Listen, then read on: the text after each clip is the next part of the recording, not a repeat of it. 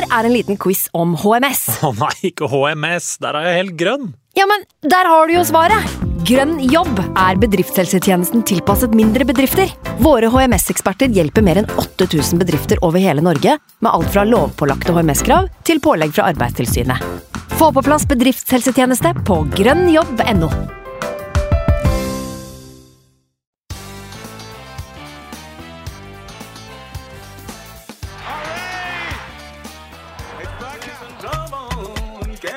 Tay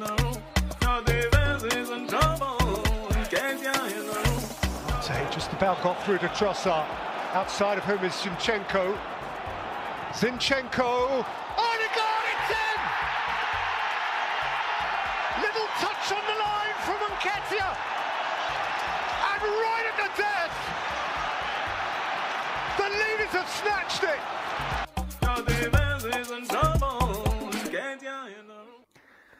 Signe Husfreden og hjertelig velkommen til en duggfrisk og utappet episode av Arsenal Station. Med meg, Magnus Johansen, og selveste Sivert Pus, bedre kjent som Sivert Skarstein Eriksen. Ordstyrer Simen Goffeng kunne dessverre ikke stille, men jeg er helt sikker på at vi skal greie å si noe ufornuftig om den heseblesende affæren mot United på, på Emirates eh, Stadium.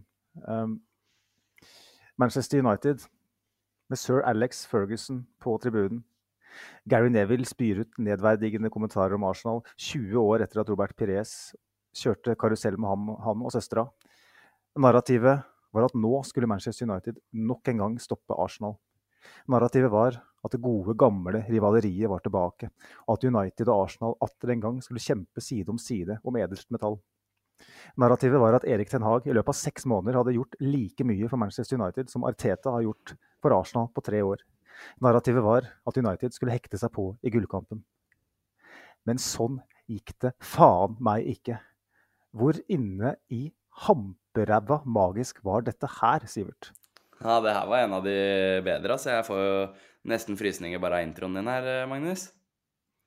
Ja, jeg visste ikke helt hva som uh, Jeg blacka ut omtrent, jeg, ja, altså. Når den uh, tredje skåringa til Eddie går inn der. Det var uh, Altså, det er et eller annet med, med de der 90-minutt-goalene når man avgjør på slutten. Det, uansett om, om kamp, hvordan kampen har vært frem til det punktet, det er de diggeste seierne. Det er riktig, Sivert. Det er fint å vinne på den måten som vi stort sett har gjort denne sesongen. Det var fint å reise til glassdassen forrige runde og bare feie dem av banen og avgjøre kampen relativt tidlig. Men det er liksom ingenting som slår det å vinne, på, vinne sent, mot, spesielt hjemme, da, mot et, et, annet topplag, når det står mye på spill. Det er sånn, sånn man lever og ånder for. og det måtte jo nesten være en uh, Hayland-boy òg, som uh, folk har tvilt litt på. Om kan steppe opp når det virkelig uh, står mye på spill. Ja, han uh, Ketil ble jo bare kasta til haiene denne sesongen her. Da. Det var jo ingen som Altså, vi hadde jo henta et alternativ som skulle starte, og som skulle være nummer én, og så skulle Eddie være litt annenfiolin. Sånn har jo ikke historien uh, utvikla seg, men han gjør seg oppgaven verdig, han. Han, han, er jo kjempegod igjen i dag. Så de som hører fast på poden, vet jo min begeistring for Engetia. Og han vet hvor høyt vi rangerer han, og vi kommer ikke til å slutte med det i dag. Nei, det er jo enkelte som må spise orda sine, og så er det andre som har sine i behold. Men det er ikke det viktigste nå. Nå er det Nå tror jeg på en måte alle er samla bak Eden Ketia. Nå, nå har han bevist såpass mange ganger at, uh, at han, han, har noe å fare med på det nivået her. Og nå har han vel Skal vi se. Han skåra mot Westham. Han skåra mot uh, Brighton. Så skårer han to i dag. Da stemmer det at han har fire ligamål? Ja, det kan, det kan, fort gjøre det, altså. Men altså Folk har jo sagt, og sa da Jesus ble skada, at Arsenal har et godt lag. Des, og Nketia er ikke et dårlig alternativ men han er ikke et alternativ som er godt nok for å skyte et lag til ligagull. Det har blitt sagt uh, av egentlig alle, og, og, med rette, egentlig. Men så viser det seg jo da at det, er, det, er, fullt mulig, det her, altså. Det, vi, har, vi, har, jo vært såpass dyktige denne sesongen her at vi er i en posisjon hvor hver eneste kamp er en cupfinale, nærmest. Fordi Altså, jeg så City tidligere i dag. Det er et, det er et jævla godstog som ikke kommer til å stanse anytime soon. Så, så å vinne eh, hjemme mot United og gå til Everton neste runde, gjøre det samme, male på, få resultater med deg, det må de gjøre. Og at vi klarer å gjøre det med en Hale gutt på topp, det er jo nesten til å få tårer i øynene vet du. Det er det. Og det jeg skulle si da, at eh, vi snakka vel kanskje om eh, at eh, Eden Ketia kanskje ikke ville gi oss det samme som en eh, Gabriel Jesus, men at han kanskje ha mål ville utligne eh, Jesus sin antall ligamål ganske kjapt. og nå etter er det fire-fem kamper så han, er han ett mål bak. Mens Jesus da gikk vel, var det ti matcher på rad uten å skåre. Og det skal vi ikke sage Jesus for, det bare si litt at Nketia han, han kommer inn med noe unikt òg. Vi skal snakke mer om Nketia og definitivt mer om uh, seieren, uh, Sivert. Men vi må ta med oss uh, samarbeidet vårt med Arsenal Norway. Det som er viktig, det tar vi tidlig. sånn jeg lærte det på journalistskolen en gang i tida. og da, samarbeidet vårt med Arsenal Norway er viktig. Jeg vet ikke om du rett og slett skal få æren for å, av å ramse opp noen av fordelene ved å melde seg inn der? Jo da, jo da, jo da. Jo da. 15 fotballbutikk.no. Uh, medlemsblader, The Gunners Post, i posten ved Ja, er det hvert kvartal, da? Det er uh, fem-seks stykker i året, i hvert fall. Bra, bra blad, skrevet av norske Gunners. Historier og intervjuer og plakater til ungene, og det er flott, uh, flott liten blekke. Du får mulighet til å søke på billetter via supporterklubben og ja, være del i, i nettverket, nettverket som nå leder Premier League. Sitter, Deilig. Sitter ikke den, da? Den sitter som et uh, skudd. Og um, det, det, Vi snakka med Eddie Nketia rett før, så det, det passer veldig bra. Um, vi har vel egentlig ikke annet valg, Sivert, enn å gyve løs på det som skjedde på Emirates Stadium i dag. Vi kan prøve å ta det litt kronologisk. Uh, er ikke noen sånn Tarantino-fan, så det liker ikke at man hopper, hopper, inn og ut av eh, nåtid og ettertid og fortid. Eh, da blir jeg sliten. Så vi kjører eh, lagoppstilling vi først, Sivert. Det er kanskje ikke så interessant, for det var som forventa. Men på benken der, der, litt, der hadde vi litt mer skyts kan du si, enn det vi har vært vant til. Ja, jeg ble, jeg ble positivt ikke overraska, for jeg vet jo hvilke spillere vi har på lønningslista. Men, men at vi møter opp i en Premier League-kamp med med Terni, eh, Tomiyasu, Emil Smith-Roe, vår nye gullkalv eh, Leandro Trossar, som vi skal komme tilbake til. Eh, altså, det er jo en eh, slagkraftig benk. Eh, og ja, vi har Jesus også som skal inn i miksen her. Altså, nå begynner vi å få ikke bare en elver som er god, men 16-17-18-19 mann som alle vil starte. Alle er gode nok til å starte. Det syns jeg er eh, Sånn må det jo være hvis du skal konkurrere i toppen i, i Premier League og ut i, ut i Europa.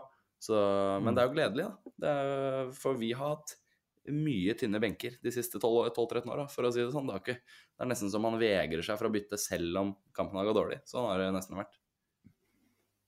Ja.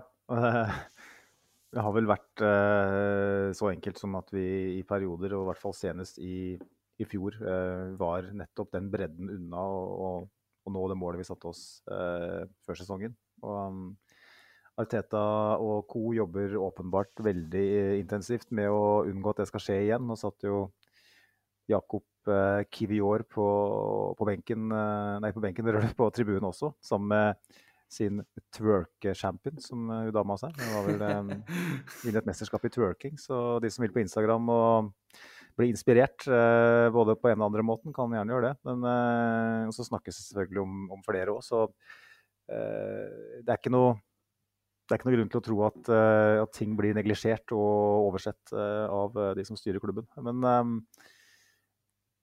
vi hadde jo en veldig bra start på matchen, Sivert. Litt sånn som vi alltid har på Emirates. Litt sånn som mot Newcastle.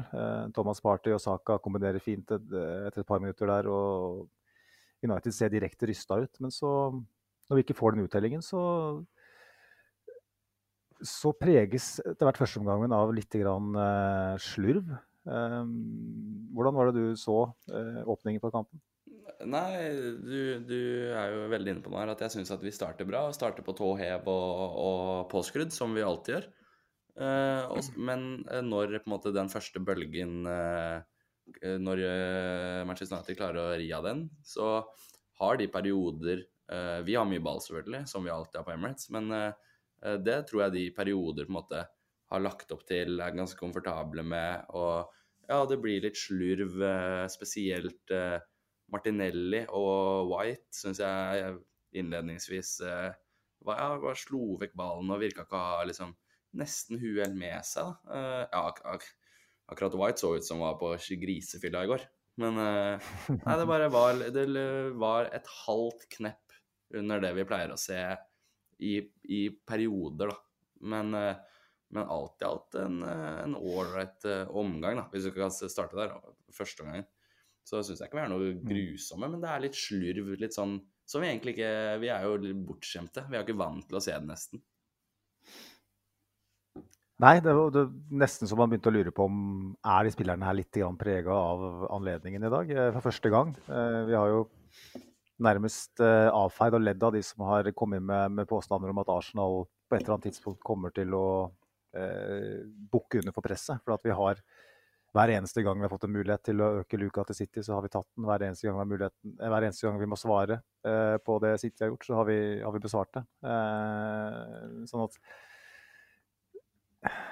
og samtidig så kan jeg forstå at, at de som sier at ja, men vi har bare spilt halve sesongen, eh, hva når vi kommer ut i mars-april, ikke sant. Men det, det, er fortsatt januar, og jeg er litt sånn, over, er sånn overraska over at eh, over at de i så fall allerede nå begynner å, å, å kjenne på noe press sånn sett. Jeg, jeg tror heller det var bare Jeg syns jo Martinelli, da, hvis vi, vi, snakker om han, han har jo ikke vært god etter han kom tilbake fra VM. Eh, han har skåra et par mål, det, det skal han ha, men i første omgang så syns jeg altså, jeg, jeg, var en av de som lurte på om kanskje han kom til å ryke i pausa. Han øh, virker som sjøltilliten hans har fått seg en ordentlig smekk. Eh, og det er litt rart etter at han var så god for Brasil i VM, og kanskje en av de som reiser hjem med, med hodet heva. Eh, han eh, tenker seg om eh, når han skal utfordre. Han hadde Van Bissaka ute på sida der, og gang på gang så bare venta på at han bare skulle sette fart og gå forbi. Og så stopper han og starter et stopper og starter og bare gir Van Bissaka lillefingeren. Da. Og Van Bissaka er jo eh, fantastisk i akkurat de situasjonene. Eh, og jeg har sett han bruker lang tid på å bestemme seg med ball i beina. Eh, der de andre bare slår den direkte mellom linjene og, og ska, skaper progresjon. Så, så venter han to-tre sekunder, og så slår han i støtte. Eh, veldig ulikt Martinelli, egentlig. Eh, Sånn at, og Flere av kontringene United hadde, var jo etter at Martinelli rett og slett ikke klarte å gjøre noe fornuftig med, med ballen. Eh, er du bekymra for Martinelli, eller tenker du at nå, nå har vi fått inn Trossard, vi har Smith-Roe, nå, nå, er det bare et tidsspørsmål før han får seg en pust i bakken og kommer sterkere tilbake om noen uker? Ja, det er, det er vel egentlig det, det, jeg tenker. at jeg, jeg tror ikke det går på selvtillit, jeg tror ikke det går på ferdigheter. Jeg tror ikke det går på, på, lyst eller frykt. Jeg tror egentlig Altså, han er jo han er en ung gutt, liksom. Kom til oss fra, fra fjerdedivisjon borti Brasil, liksom, og ble fasa inn. Men, men når han først måte var en av Artetas betrodde menn, så gikk det fort, liksom. Da var han bang, så var det hver uke. Kamp hver tredje dag. Ned til Qatar, trene med Brasil, trene med Neymar og gutta. Ikke, også rett, rett til Dubai spiller, liksom, har, det kan antageligvis forklares med altså fatigue, altså at han trenger den pusten i bakken. Men Vi har jo ikke hatt et reelt alternativ der egentlig overhodet, ettersom eh, Smith-Roe er ganske god ute til venstre. Han har jo vært ute, han har jo operert. Eh, Trossard har jo ikke vært Arsenal-spiller mer enn i tre dager, liksom. Så jeg tror mm. rett og slett han har blitt kjørt litt i bakken. Eh, og han kommer selvfølgelig sterkere tilbake. Jeg har ikke noe jeg har full tiltro til han, og jeg er veldig glad i spilleren Martinelli. Så, så møter han en sånn knekk, eh, selvfølgelig. Eh, men det er vi gode nok til å takle, ser det ut som. Og nå har vi jo cover også. Så det er ikke noe, er ikke noe jeg stresser med. Men eh, jeg hadde lyst på å sette inn Trossard i dag fra 50 minutter og ut. Og jeg sa mm. når han kom inn at 81 minutter, ja. Jeg er egentlig overraska over at Martinelli fikk så lenge, for han så skikkelig tam ut. Men, eh, men det, det, kommer seg, det. altså. Nå er det to uker til neste Premier League-runde, så tipper jeg han starter den. Og så tipper jeg Trossard eh, får kjørt seg nå i cupen mot City, så får vi se. Det er, det er kult å ha litt alternativer også. Mm. Eh, godt oppsummert. Eh, eh Smith-Roe er jo inne i miksen der òg, så det er ingen grunn til at Martinelli skal måtte spille alt fra nå av. Det er kanskje mer, mer spørsmålstegn på andre sida der, hvor uh, evighetsmaskinen Saka spiller. Uh, men etter at vi hadde en god start, så slurver vi litt, som du sier. flere gode tilløp for så vidt, men ofte da avbrutt av en, en, feil fra enten om det var Martinelli da, eller Ben White, som også hadde en tøff dag på jobb. Um, United hadde en straffeshout der, vel, når, uh, når Ramsdale uh, Var det den når Ja, når Rashford uh, Var ikke det Rashford? Rashford var det, Jo, stemmer det. Stemmer det. Ja. ja det er jo ingenting. Aldri i verden. Aldri i verden. Så det er jo greit nok, det. Jeg synes, det, må jeg, det må jeg bare si, altså. Uh, Rashford der. Og så har du den til, til Bruno Fernandes, eh, som du var inne på. Og så De Gea der eh, på slutten, når han blir holdt litt i skuldra. Jeg synes, altså jeg mm. vet at United er eh, en fæl gjeng, selvfølgelig, men de var jo mm. veldig på skuespilleri og tull. og Det var ikke noen sjarmerende gutter. Jeg syns spesielt den DGA-situasjonen var helt, helt håpløs. Og så var det noen som pusta litt hardt på skuldra hans der, eh, Ketia. Mm. og så så det ut som hadde, noen hadde rykka armen av så den måtte sys på igjen eh, der og da. Det var bare patetisk. Men eh, det var jo en kamp i første omgang hvor Arsenal dominerte. Egentlig en kamp som Arsenal dominerte stort sett hele veien. Selv om United fikk ha en del ball der i, i første omgang, så, så, var det mot spillets gang når formspilleren Marcus Rashford eh, rett og slett eh, plukker opp en kanin fra hatten? Ja, altså Thomas Party syns jeg eh, Ja, du kan argumentere for Casemiro og Rodri, men uansett, da. Thomas Party, defensive kalibre. Topp, topp i Europa, topp i Premier League. Fantastisk god. Rashford kler jo av han i midtbaneleddet der. stresser han, han slår ballen bort ja, å stå på 30 meter, ingen støter selvfølgelig. Hvorfor skal du støte der? Eh, så han skikkelig kanonkul, ass. Jeg, jeg, ble egentlig ikke så sur engang når den går inn. For altså, vanligvis så kommer det en reaksjon fra meg. Det er dårlig av han, sløvt av han, et eller annet. Men eh, noen ganger så må du bare sette hånda eh, ti fingre opp i været og si at det, det der er en jævlig bra goal. Og så og så er det egentlig ikke så mye mer å si enn det. Det var litt mot spillets gang, syns jeg. For, altså, United hadde jo to touch i boksen vår før pause og 0,02 i XG. Så det, mm. altså, vi, vi høvla jo over de. Men eh, mm. altså Og det er jo lov å ha spillere som er kapable til å gjøre sånn som Rashford gjør der i fotball. Det er jo sånn du vinner de toppkampene. De beste spillerne i verden gjør sånt. Uh, så du kan ikke forsvare deg mot det, du kan ikke legge opp en taktikk mot det. Du må bare forholde deg til det, og det gjorde vi. Vi plukka opp hansken og snudde kampen. Det var jo noe Arsenal eh, definitivt ikke var gode på eh, så sent som sesongen i fjor. Yes, da var det litt grann sånn eh, tekniske problemer her, så det ble en sånn ufrivillig stopp. Men vi snakka om Rashford, vi snakka om 1-0. Um, nå er det Nå er vi kommet til Skal vi se, Sivert. minutt nummer 23, eh, seks minutter etter eh, at United skåra. Vi, vi, vi snakka vel så vidt om det før vi ble avbrutt, at, eh, at, Arsenal rett og slett er ganske crappy på å komme tilbake fra når de ligger under. og så Det er basert på det som skjedde før denne sesongen her.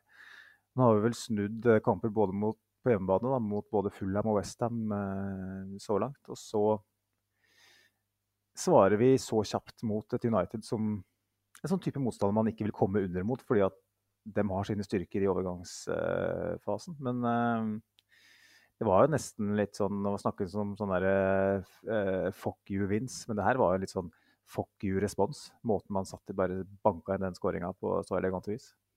Ja, klasse og at vi svarer så raskt, da. Det gjør jo at når, når vi går i pause med én igjen, så har vi en, liksom en god følelse og føler at vi liksom har kontroll på ting. da. Uh, og ja, at en jeg får den, selvfølgelig. At uh, Bare for å ta målet, da, i, isolert sett.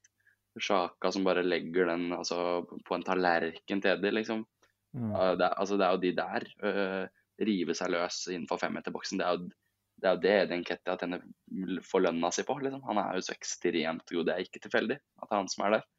Og det er rett og slett uh, veldig fint oppbyggende spill, og det er flott scoring. Altså.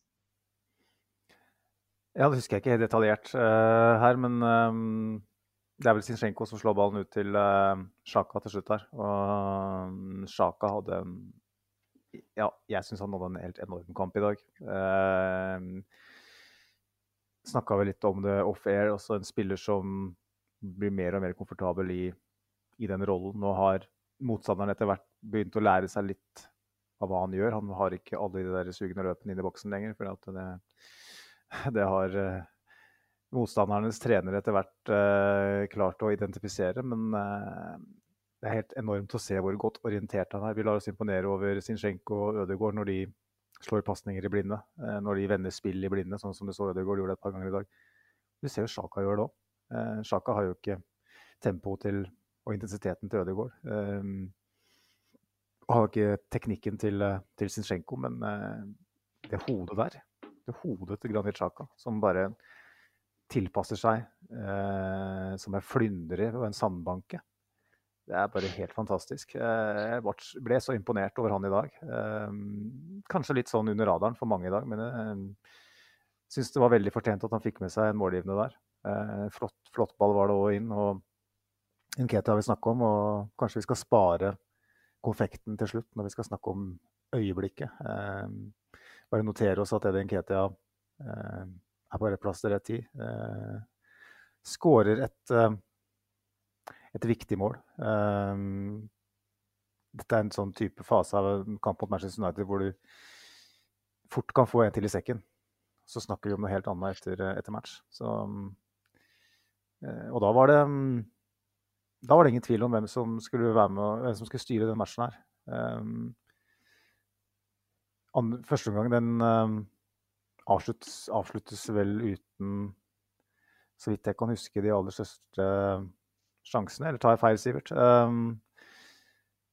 Nei, det har du veldig rett i. Altså, bare for å plukke opp tråden igjen på, på Granit Xhaka, så er jeg helt enig i at han har en fantastisk god kamp. Eh, på Twitter så, og, og, andre steder, forum og, og sånne ting, så, så, leser du ikke så mye om, eh, om han i dag. Men altså, er, det er han som er stabilisatoren. Han er liksom så veldig så konsistent og Uh, altså, stabiliteten sjøl. Det er jo stabil. Jeg har jo blitt mellomnavn til Granit Xhaka.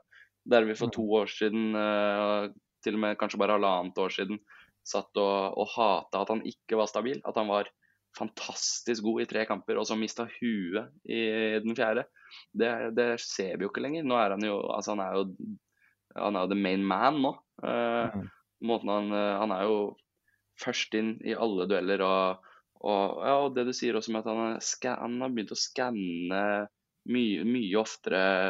Uh, se litt på hvor motstandere er. Han har blitt, han har blitt ja, eh, en av ligaens absolutte beste boks-til-boks-midtbanespillere. Der vi trodde at Sjaka var en, en, slags terrier på midten. Uh, det, det, var i hvert fall det inntrykket jeg satt med hans første tre-fire uh, år i England. Men så har han utvikla seg til å bli en strålende fotballspiller også. Han er jo rett og, han er rett og slett ekstremt eh, god. Han er jo intelligent altså han er så intelligent i måten han spiller på. Han tar veloverveide valg. Altså det, du så ikke det på uh, noen av de på United i dag. Altså. Uh, han, er, han, er, miles ahead uh, hva de angår. Og det å kunne spille da med Zinchenko, som har nok en god kamp, som låser opp enda større rom for, for både Sjaka og for så vidt Martinelli eh, når han går inn i banen der. Eh, William Gustafsson han uh, har et spørsmål til deg, Sivert. Uh, på Twitter. Han skriver til Sivert. Å sammenligne Zinchenko med Shaw er som å sammenligne en Gato Negro med en svindyr vin fra Italia. Nå vet du både mer om bakteppet for um, uh, akkurat den tweeten, og ikke minst om vin, for jeg liker ikke rødvin. Så hva, hva, hva er greia her, Sivert? Nei, greia her er at jeg satt på vorspiel i går eh, med en kamerat som er veldig United-fan. Eh, veldig hyggelig kar. Eh, og så bare satte vi sammen en sånn så, jo da, så satte vi sammen en sånn herre combined eleven da, til morgendagen, altså matchen i dag, bare sånn for moro skyld, bare sånn vorspielprat. Uh, og jeg reagerte på at han hadde De Gea foran Ramsdale. Det syns jeg var sykt å gjøre, men jeg lar den gå. Han hadde Rashford foran Martinelli, det godtok jeg. Mm. Men så kom det. Han hadde så altså. Og da satt jeg fatølen min i halsen. Altså det, og jeg syns det var så sykt å si at Shaw er bedre enn Zinchenko. Så jeg la ut på Twitter at jeg sitter på vors med en som mener Shaw er bedre enn Zinchenko. Jeg, jeg, trenger luft, skrev jeg. Jeg ble sjokkert. Men så viste det seg, da. fordi denne tweeten nådde jo Manchester United-delen av Twitter. Så jeg fikk jo litt reaksjoner, og folk, folk slang seg på. Folk var jo enige. Og, og, det var til og med en som kommenterte her at uh, Sinchenko har én sjanse skapt per 163. minutt, mens Shaw har én sjanse skapt per 77. minutt. Og da mm. mener jeg, hvis du sitter og ser på fotball og er glad i fotball, og så da implisitt mener at Luke Shaw er en mer kreativ spiller enn Zinchenko, da må du finne han, da, da må du finne en annen å se på. Altså. altså, for å trekke den videre. Uh, Zinchenko er en Hirsch Pinot uh, til 600 spenn, som er for så vidt den diggeste vinen du får på polet. Og så er en uh, Next Vintage til 189, altså. Herregud. Det, dette går i. Det, den, av det ble en debatt. Det fyrte jeg Det satt jeg faktisk og fyrte meg opp på i går. Zinchenko er så sinnssykt god. Jeg hadde ikke bytta han ut med en eneste venstreback i Europa. Uh, kan, og, og, hva de driver med borti Manchester der, som, som gir han på loppemarked til oss. Jeg kommer aldri til å forstå det. Og jeg kommer aldri til å bli klok på det. At, vi, at eh, Jesus var tilgjengelig og ville spille mer, og de henta jo Braut, selvfølgelig. Greit, jeg skjønner at han kom til Arsenal. Men at de slipper det monsteret Sinchenko er, til Arsenal Jeg kan bare takke og bukke og, og, alt mulig og nei og At det er så sinnssykt å gjøre. For han er, han er helt jeg har, jeg har, ikke sett noe lignende. Altså I Emirates er han, han er allerede klart beste venstrebekken. Jeg har sett Clichy og det greiene her. Det er jo ikke i nærheten av Han er Jeg har forelska meg i ham, tror jeg. Gode, gamle Nacho Monreal vrir seg i eh, godstolen der han sitter eh, som eh, nybakt fotballpensjonist. Men uh, jeg forstår hva du mener, og du er ikke alene om å um, kjenne på behov for både vaselin og uthulla vannmelon når du snakker om, om han. Are at Nico70H på Twitter skriver til oss Sinchenko, banens gigant etter min mening. Fy F for en signering. Her bannes det ikke. Ehm, for et lag er så sliten i huet nå trenger en seiersøl. Og for de som lurte på hva som skjedde her rett før Sivert begynte å snakke, var det nettopp det at den seiersølen den begynte å renne gjennom naseborene her. For det ble så gira på å snakke om Zinchenko. Um, Zinchenko han uh, sa vel faktisk òg etter kamp at um, når han kom inn i, i garderoben her og begynte å snakke om gull etter tre kamper, så begynte folk å le han. Men nå forstår uh, medspillerne mine hva jeg snakker om. Eh, det syns jeg var et litt eh, spennende sitat. fordi Jeg vet ikke om vi skal begynne med det nå med å snakke om gull og sånn igjen, men måten han feirer 3-2 på, måten han feirer seieren på eh, Vi snakka om at Gabriel Jesus kommer inn med vinnermentalitet eh, fra Manchester City, men eh, den som for meg virker som å ha den aller største vinnerviljen i, i garderoben, er jo Zinchenko. Han virker som en sånn eh, born winner. Eh, alt handler om å vinne. og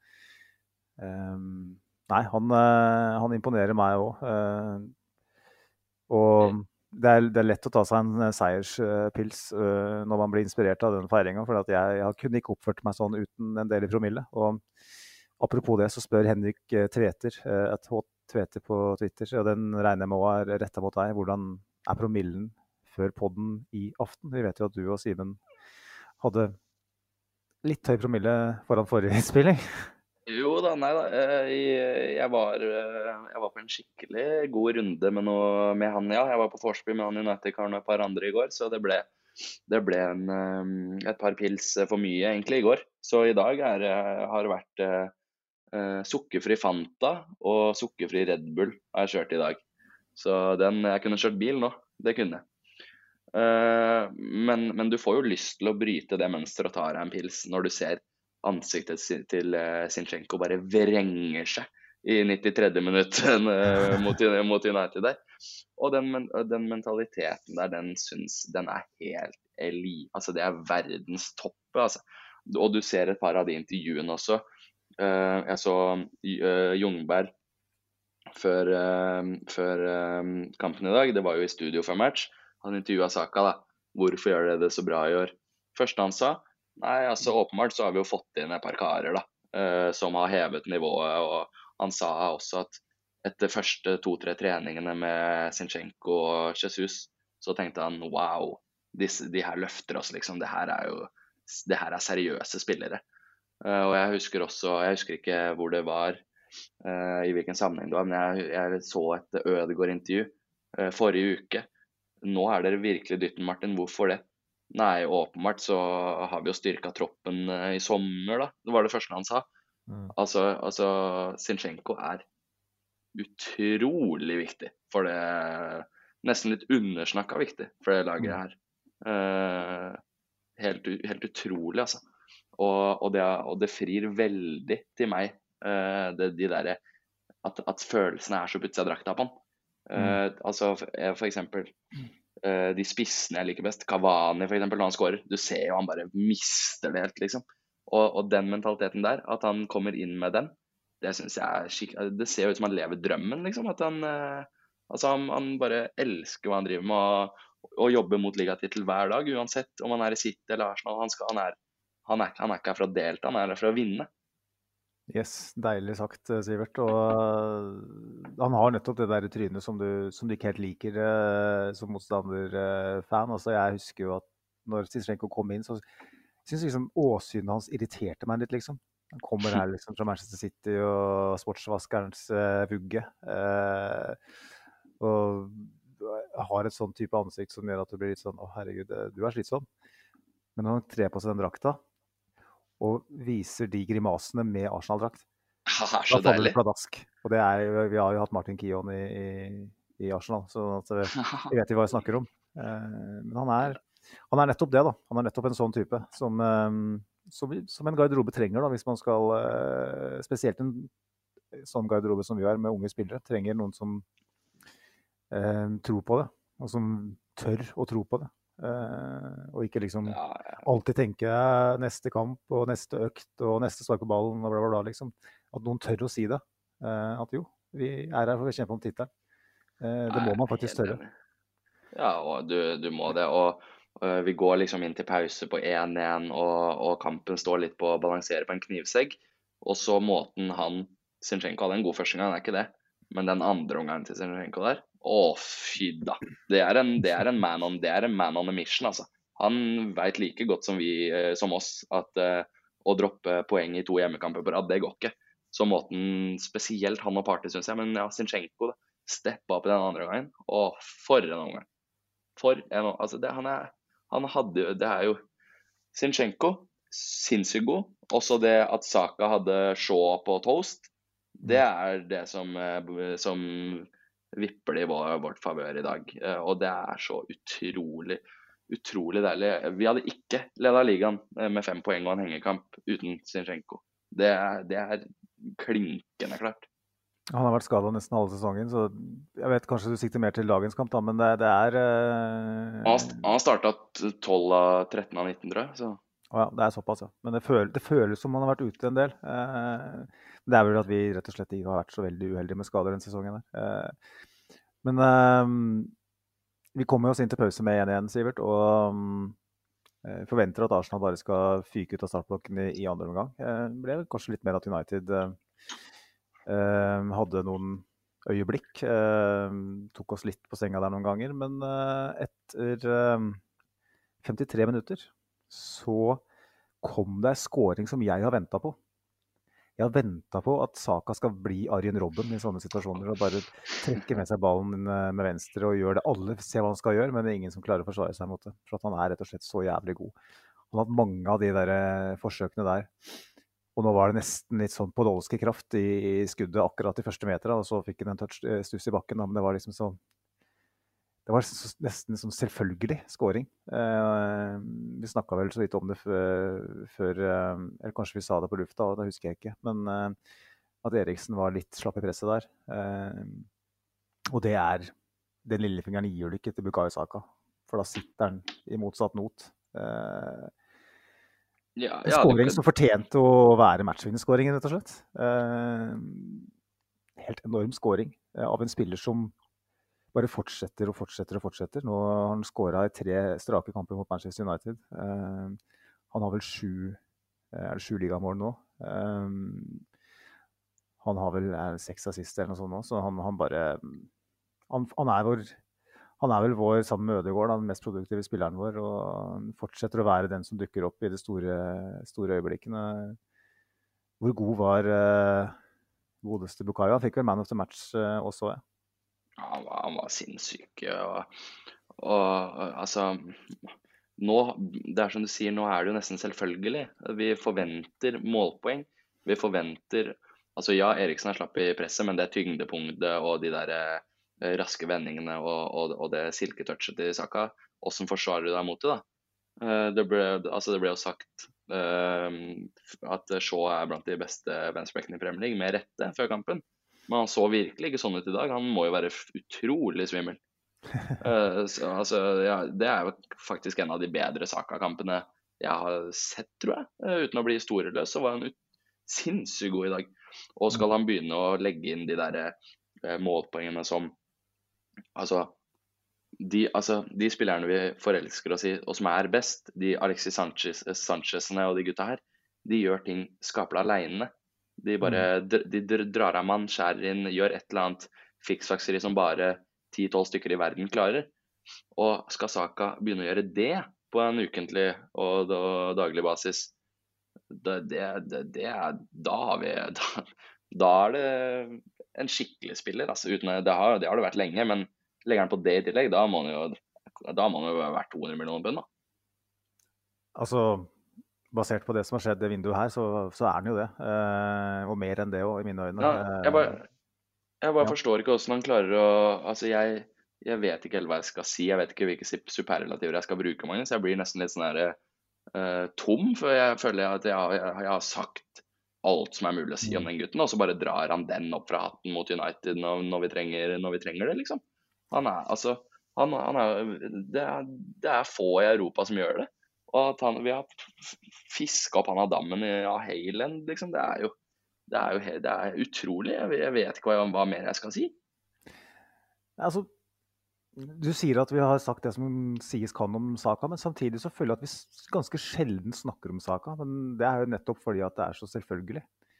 Vi, vi, det, vi vet hva vi får. Jeg, jeg, nevnte jo Arjen Robben, og det er parallell sånn sett. for du du visste hva han skulle gjøre, men du klarte ikke å stoppe det. Eh, Saka jo mer, eh, har jo flere aspekter ved spillet sitt. Han, han, gjør jo forskjellige ting. Han går alle veier. Eh, men for oss så er det selvfølgelig, da. Det er selvfølgelig at han eh, gjør bekken svimmel hver eneste kamp og er en av de som låser opp et, eh, en backfirer hver eneste kamp.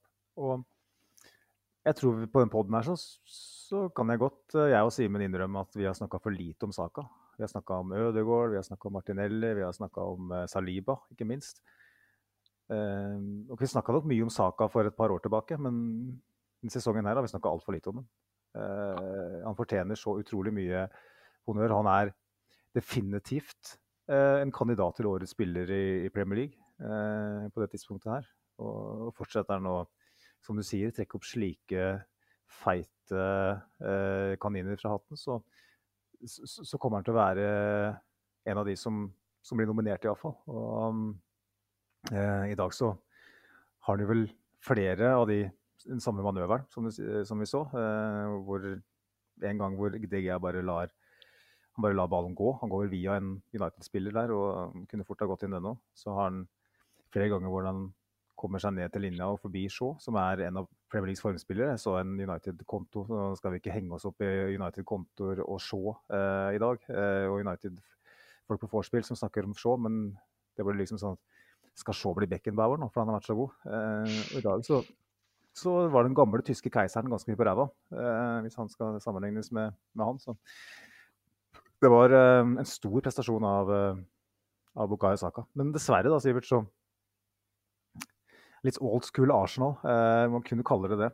Eh, når vi endelig leder da mot eh, Manchester United. Gamle nemesisen, storkamp under flomlysene, så får Gary Neville-narrativet sitt uh, fullendt. Iallfall midlertidig, når Arsenal gjør en feil i egen boks på en corner og slakter den fra Argentina. Uh, Lisandro Martinez får en skåring han ikke skulle hatt. Ehm, hva tenkte du da? Var det sånn at du tenkte at ja, men det Arsenal-laget her responderer alltid, eller tenkte du sånn faen, nå, nå ryker det? Nei, jeg var, jeg var hakket, hakket mer negativ enn jeg burde være. Altså. Jeg tenkte at um, den kampen her har jeg sett før. Det, det her blir 2-2. Om ikke så blir det kontra en, en til fra United. Altså, vi var jo ved alle aspekter av en fotballbane eh, så var vi bedre enn United i dag, og de skapte absolutt ingenting. Putta på en corner og, og Rashford, liksom. Det, de, de, var aldri en trussel. Den kampen her ble jo mye mer spennende enn en den burde blitt. Spill den tre ganger til, så vinner vi jo 3-0, liksom. Det var jo ikke farlig.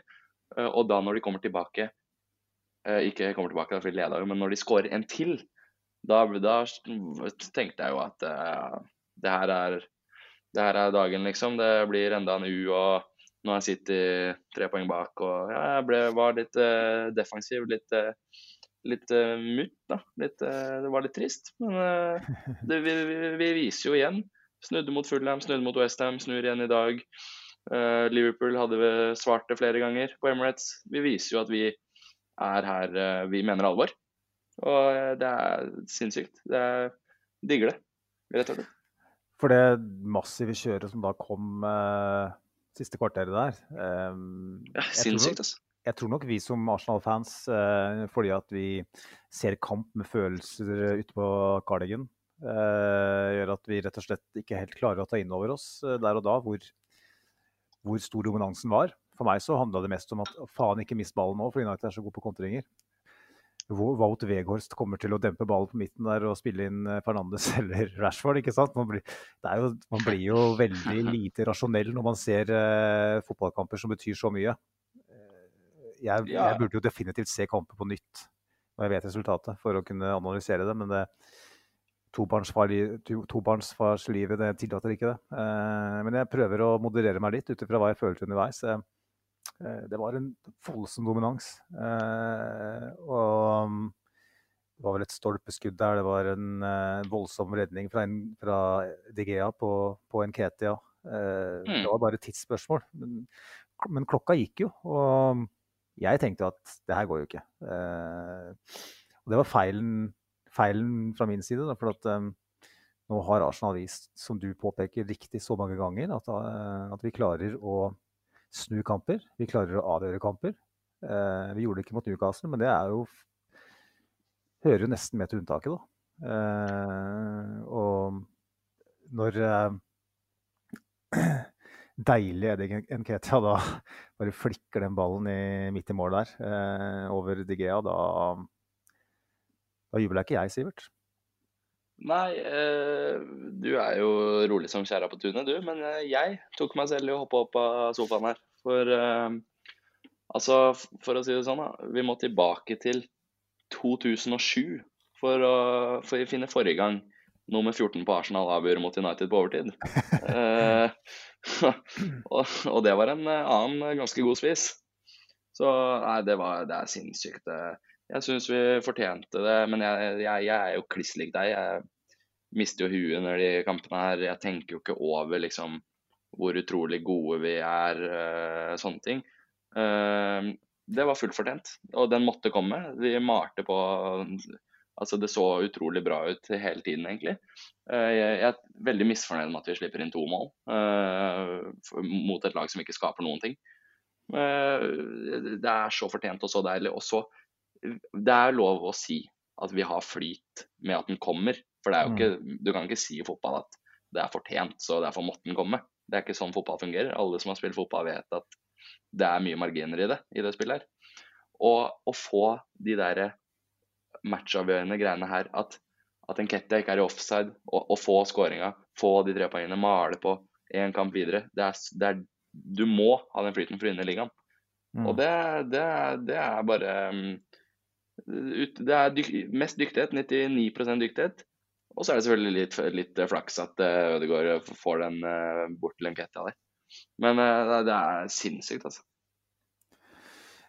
Det var jo Grunnen til at ikke jeg hoppa opp og ned, og sånn var jo fordi at jeg var helt sikker på at det skulle bli offside. Eh, på første reprisen der så var det litt sånn lite konklusive bilder. Og så på reprise nummer to så så det jo definitivt ut som om Nketia hadde et bein i, i offside. Men så handla det vel kanskje om at de drev og justerte ut ifra når ballen faktisk forlot beinet til Ødegaard. da. Eh, de siste bildene før avgjørelsen eh, traff fra Anthony Taylor, eh, var jo eh, offside. Så jeg var helt sikker på at den skåringa røk, så jeg satt jo rolig i sofaen der. Eller nei, jeg sto på kne rolig i kjellerstua eh, Altså- på parketten og tenkte at det her blir ikke skåring, men men når Anthony Taylor da pekte på midten, da da våkna dyret. Eh, og da våkna òg eh, jenta på fire uker som eh, bor oppe i andre etasjen her. For da, da mista fattern besinnelsen. eh, I positiv forstand, da. Så for et øyeblikk. Det er jo ja, det er, det er mange øyeblikk denne sesongen her, men det må jo kanskje være med, med tanke på hvor vi er i sesongen nå, eh, halvveis, eh, med alt som står på spill mot et lag vi kunne parkere, så må jo det her være sesongens øyeblikk. Ja, Vinner vi Premier League, så kommer vi til å huske det målet der for alltid. Det er litt som hvis jeg sier eh, Danny Welbeck til deg, liksom. Hva er det første du sier da? Ja, ikke sant. Det er Leicester, det. Headinga mot Leicester, ikke sant. Eh, sånn kommer det jo til å være om 15 år. Når noen sier Enketia, ja, å ja, ja, den eh, eh, lille, lille kicken mot United på slutten her, ja. Scener, ikke sant. Uh, Emirates uh, rista jo. Så Nei, det er, og det er så fortjent at det er, jeg så uh, Jonas Berg Johnsen også intervjua Saka og sa er det ikke deilig at det er Enketia som gjør det også? Han fortjener, gjør han ikke det? Og Saka begynte jo bare pos i positive ord om hvor hardt han jobber og hvor flink han er og hvor mye han fortjener det. Så kunne ikke vært en bedre målskårer. Altså. Nei. Eh, det var vel en som eh, eh, hadde en fin eh, oppsummering til oss på, på Twitter også, eh, om nettopp det at det var eh, den godeste Nketia. Skal se om vi klarer å finne den. Jo, det er Vegard Tønder Pettersen som skriver. Jeg ble nesten rørt av å se Eddie rusle ned mot hjørneflagget med nummer 14 på ryggen. Det er liksom en sånn kjølighet da, over eh, feiringen, liksom. Eh, han har Ørnen har landa på et vis. Uh, Nketia er førstevalg på topp for Arsenal. Fram til Gabriel Jesus eventuelt klarer å kjempe en uttale. Er vi der? Ja, skal vi se. Jeg, jeg, det er jo Prøve å ikke bli helt historieløs òg. Jesus eh, er jo sin, sinnssykt god. Men uh, det er det å ha alternativer som jeg først og fremst er så glad for. Uh, uh, bare for å trekke det litt mer generelt, så er det det den derre bredden på troppen ved å ha Trossar liksom i bakhånd for, for Martinelli, ha to spisser som begge kan starte. Tenk å ha to niere, altså to spisser. Uansett hvem som starter, uansett hvilken kamp det er, så, så sender ikke du meg melding åh, benker han Jesus? For en idiot. De meld, de, uh, fordi Enketia fortjener jo å være der han er, uh, og han viser det gang på gang. Han, er, han er jo utrolig Jeg trodde helt ærlig han bare var en målskårer, men han er jo kjempegod i spillet også.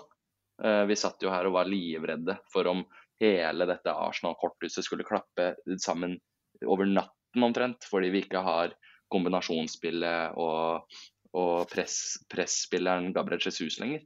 Men Nketia er jo er, gjør jo den jobben også, så han er jo utrolig god. Uh, og jeg er helt komfortabel med å ha han som et fullverdig alternativ. Så, så at Jesus på en måte dagen etter han får klarsignal fra legene om at nå kan du begynne å sparke ball igjen, så skal ikke han rett inn, vet du. Det her, det her skal jo fases inn, selvfølgelig. Han skal komme opp i 100 toppform. Eh, eh, og, og, jeg er helt komfortabel med at det tar tid, så lenge Enketia fortsetter i det slaget. Han er, han er dyktig, rett og slett. Jeg har jo sett litt på um, tallene også, da. Um, jeg så noen på Twitter kalte meg statsguru i dag, og det, det er jo hyggelig, det. Men uh, jeg har hatt lite tid til å, å sette meg inn i, i tall. Men jeg, jeg, tok en rask uh, sjekk på, på Eddie. Um, han uh, hadde den beste pasningsprosenten av alle Arsenal-spillere i dag, som spilte mer enn ti minutter. 89% Og man kan på en måte si at det er en hva, hva, sier, det, hva sier, den statistikken, liksom? Men uh, det er ikke en spiller som står og triller ball på tvers med, med ballen og hele, hele, banen foran seg. Det er en som gjerne møter ball pressa. Uh, tvunget til å vende, tvunget til å eh, ta en kjapp avgjørelse. han virka ufattelig påskrudd. han har en ro ved seg nå som, som jeg snakka om, som gjør at uh, man tenker at han, han, føler seg veldig bekvem i, i den rollen. Han løser det på annen, et annet vis enn Gabriel Jesus, men han gjør samtidig mange av de samme tingene. Um, han uh, vinner to hodedueller i dag. Det er nest flest på laget. Han har flest avslutninger. Det er seks. Han kommer til seks avslutninger mot Manchester United. Uh, han har tre på mål. Det er òg flest. Uh, Gabriel Jesus hadde sannsynligvis hatt enda flere touch i motstanderens boks. Hadde sannsynligvis hatt enda flere ballgjenvinninger og sånn. Men eh, seks avslutninger, tre på mål, to skåringer. Eden Keta er den beste spissen vår foran mål. Eh, og i dag så er det det som gjør at vi vinner. Eh, jeg blir nesten litt rørt, altså. Jeg syns det er stort at, uh, at Eden Ketia, som vi, som vi nesten fnøste litt av for bare et par måneder siden, har kommet dit. Og jeg sa det vel uh, for noen måneder siden at jeg, etter å ha sett Eden Ketia i, i våres, komme inn og være en avgjørende brikke på veien mot det som dessverre ikke gikk hele veien. Men han, han skåra jo mot Chelsea, han skåra mot Leeds. Han, han, var god da han kom, fikk sjansen fra start, når han fikk tillit. Men så falt han litt tilbake til den han var i forkant av det. Når, eh, når, han da, den høsten som har vært nå, ikke fikk starte noen særlige kamper. Han eh, fikk noen ti minutter her og der i Premier League, og så fikk han starte noen europaligakamper sammen med eh, andre rekka. Og skuddene mm. hans gikk eh, over utafor, og eh, touchet satt ikke. Og derfor sa jeg at eh, hvis Gabriel Jesus på en måte er det ubestridte førstevalget vårt nå i årene som kommer, så spiller sannsynligvis Nketia for en kontrakt et annet sted. Eh, jeg tror ikke han er spissen som skal sitte på benken i i de viktigste kampene og få ti minutter her og ti minutter der. For meg så virker det som Media Nketia er en spiller som trenger tillit, som trenger å spille. Trenger å være varm i trøya. Eh, og i så fall så vil den koste tja 30-40 millioner pund. Så hva tenker du, Sivert? Det, tror, du, tror, du, man kan finne en eller annen form for løsning hvor både Jesus og Nketia får nok spilletid, sånn at begge er varme nok i trøya, sånn at begge føler seg som en viktig del av troppen? Eller tror du at, uh, at, vi ser, at en f.eks. Nketia kan bli solgt, rett og slett fordi at han beviser nå i Arsenal-trøya at han skal være et førstevalg et eller annet sted? Nei, jeg tror, uh, tror absolutt at han Det er ikke noe fare for det. Han kommer til å bli Han kommer til å kjempe for plass på laget. Uh, hvis vi med, Altså, vi skal jo med all sannsynlighet ut og spille Champions League igjen. vi skal hevde oss i to cuper i England. Men Så vi skal jo spille på en måte 60 kamper i sesongen. Så det her blir jo ikke noe problem. Så skal det også sies at Enketia, som er så forbanna god, har jo ikke lyst til å spille gruppespillskamper i Champions League og spille ti minutter her og ti minutter der. Eh, men altså eh, Jesus er veldig anvendelig. Eh, han kan spille ute på flankene. Så, så selvfølgelig, det er en del av planene her. Det er ikke tilfeldig at han fikk en så stor ny kontrakt, og han virker han virker veldig fornøyd eh, nå om dagen. Selvfølgelig. Men du så også, jeg nevnte forrige pod, eh, ikke forrige pod, men podden før der, at eh, den der All or Nothing-serien, så fikk jeg veldig godt inntrykk av Eddie. Han eh, var så seriøs i utdannelsen sine. Han, han, skjønte at når du, er, eh, når du spiller på en storklubb som Arsenal, så må du jobbe for hvert eneste minutt du får på banen. Du ser det egentlig på hele fyren at det mener han veldig seriøst. Han har jo bulka opp veldig. Han har jo tatt, tatt noen skikkelige timer på gymmen. Eh, han har blitt en skikkelig stødig spiss, liksom. Og jeg tror han har ambisjoner om å, om å være um, førstevalg på Arsenal. Og det er jo ikke noe i veien for at han ikke kan bli det på sikt heller. Eh, bare fordi Jesus har drakt nummer ni og kosta mer, så kan jo Enketia, hvis han viser seg tillitsverdig på sikt, selvfølgelig være like viktig. Vi har, vi har ikke noe førstevalg og andrevalg eh, eh, på, på, boka, liksom. Det er jo den som er best på trening, spiller i kamp. Og eh, jeg regner med at uh, han, han, er helt klar for det, altså. Og mm. jeg er i hvert fall veldig klar for å, for å gi han den sjansen. Jeg trodde jo at når Lacassette og Aubameyang altså Aubameyang ble kasta på sjøen, Lacassette dro litt mer naturlig. Men jeg trodde vi måtte hente tre spissere, for at Nketia var ikke i nærheten av noen hver diskusjon. Mm. Nå, mener, nå, mener, jeg at det ikke stemmer, at han er like god som alle de andre i Europa. Og du ser Albares sitter på benken i City. Han vant jo uh, Han var jo kanskje banens beste spiller i VM-finalen for to måneder siden. ja. uh, så, så det, det, her er jo kvaliteten på de beste troppene i Europa.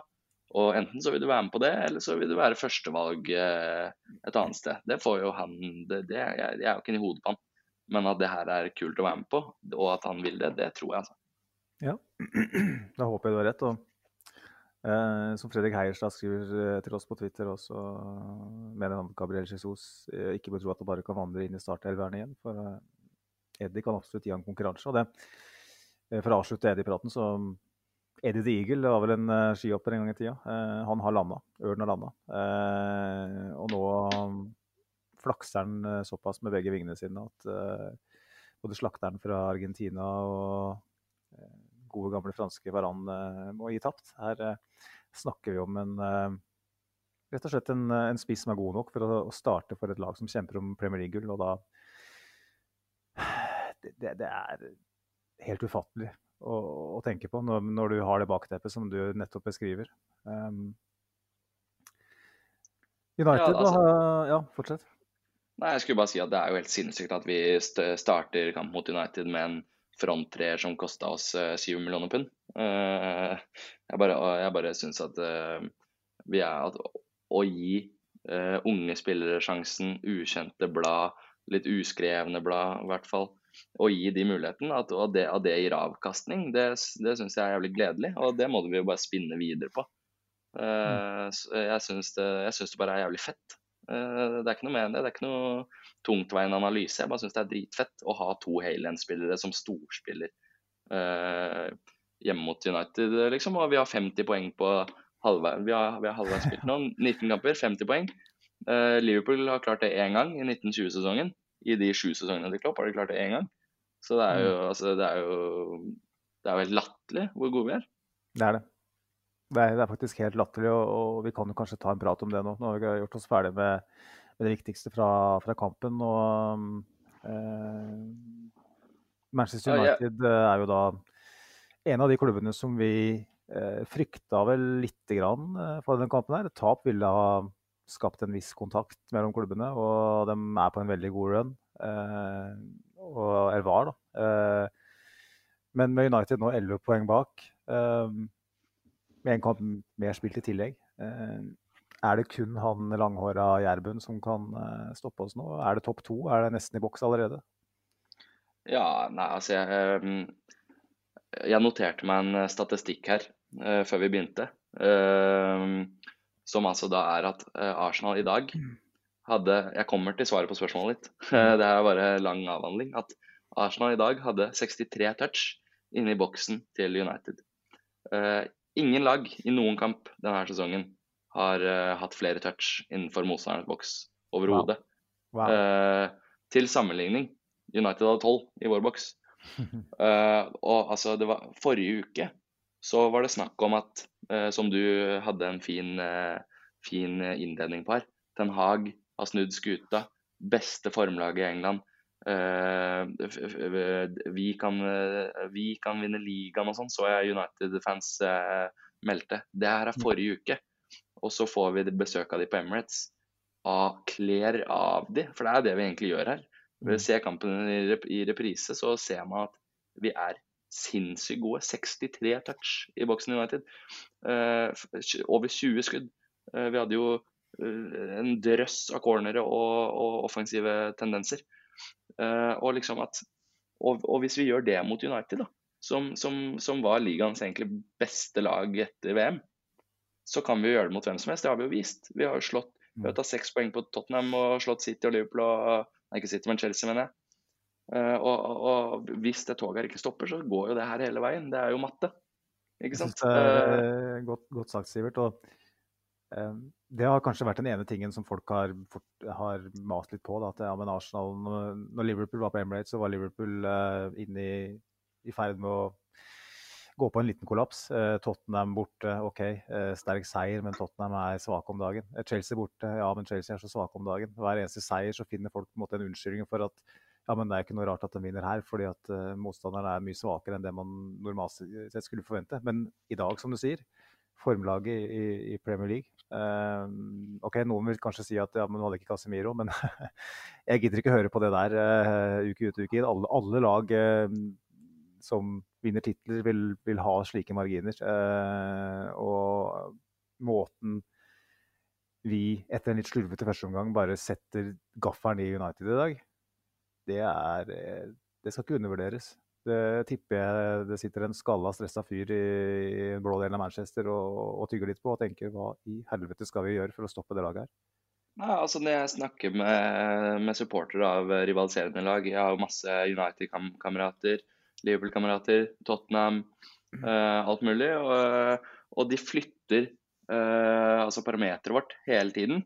At ja, men vi er ikke halvveis enda, og dere har ikke Nå er vi halvveis, og situasjonen er lik. Ja, men dere har ikke møtt uh, City ennå. OK, da får vi se åssen det går. Dere har mm. ikke møtt United ennå. Ja vel. Uh, altså Hele tida så er det ikke godt nok. Vi vinner hver eneste kamp, og, og, og man lærer etter unnskyldninger. Og det tyder på meg på at folk er, eh, stresser litt, klør seg litt i huet og er sånn Hvor er det vi skal ta dem? Ja, ja, de har ikke møtt United. Der kan vi sette neste støtt. Og så går vi, og vi vinner der òg. For altså, vi henter poeng hele tiden. Uh, Fulham har jo gått sømløse, ganske sømløs og rolig uh, i år. De er på sjetteplass. Vi slo de på Emirates, og det var en skikkelig streberseier. Mm. Vi, vi kledde av Brentford 0-3 borte. Der tapte City. Der spilte Liverpool uavgjort. Der tapte Chelsea. Uh, Tottenham spilte uavgjort der, vel. Ble 2-2. Jeg tror Liverpool altså, tapte, faktisk. Ja, altså, altså Vær så snill da, å gå og vinne tilnærma hver kamp i Premier League er en prestasjon uansett om Casemiro er der, eller om uh, ditten og datten. og jeg, jeg, orker ikke forholde meg til det. Det vi viser nå, er på et nivå jeg ikke har sett før. Og det må man bare ta inn over seg, uansett hvilket lag du holder med. Mm. Og du er jo ganske mye yngre enn meg, Sivert, og du sier at du har ikke sett det før. Og for meg så er det fristende å si at jeg, jeg opplevde jo The Invincibles. Jeg opplevde dobbeltlaget i 98, i 2002. Opplevde jo, men det er jo, legit, det er jo legitimt. Men jeg har faktisk ikke sett det her. fordi at dette er det beste halve sesongen som Arsenal har prestert. Da, i alle fall første halvdel. Eh, 50 poeng. Eh, litt usikker på hva som er nest beste notering, sånn sett, men vi er eh, et stykke foran. Eh, det er den beste sesongstarten av et Arsenal-lag noensinne. Og det er ikke bare Premier League-æraen, det er noensinne. Da går vi tilbake til 1886. 100 eh, år før, min, eh, før jeg kom til verden. Det er, det er helt vanvittig. Og så jeg fikk et spørsmål på på Twitter i dag fra Var det ikke Jon A. Pettersen som stilte det spørsmålet da? Jeg er ikke god på det her, vet du. Jeg er ikke ordfører. Uh, jo. Mens du ler. Du fant det. Her, fant jeg. Hvor lenge siden er det vi hadde en lignende målforskjell etter ca. halvspilt sesong? Og da måtte jeg ta en tur innom uh, Premier League.com og se på hvordan ståa var etter 19 serierunder. Um, det er jo kanskje litt overraskende, da, men i 2009-10-sesongen eh, så hadde vi 30 plussmål. Eh, var det vel etter, eh, etter 19 runder. Um, og det det hadde jeg faktisk ikke trodd. Nå er vi på 29 da. Um, Mm.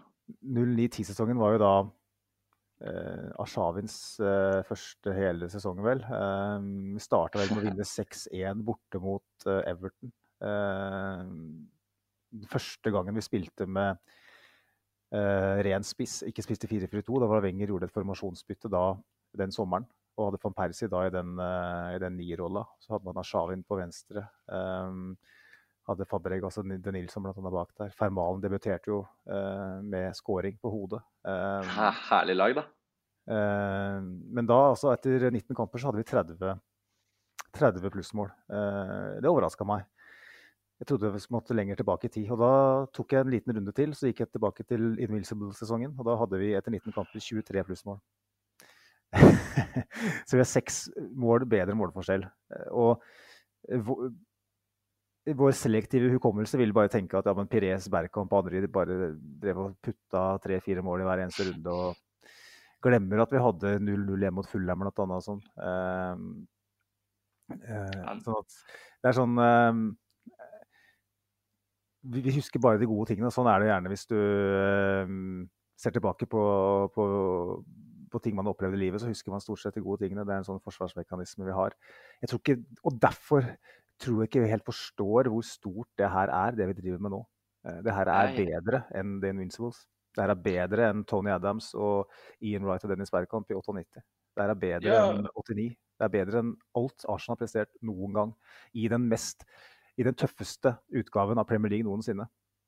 Ja, belager du deg på, belager du deg på tall, så er, stemmer det. Og, og det, er, det er helt sykt å sitte og si det, liksom. Eh, Hadde man tatt eh, screen, gått inn på episoden, screen-recorda det, at du sier at det er bedre enn det og det, det, lagt ut på Twitter, så hadde jo alle ledd av det.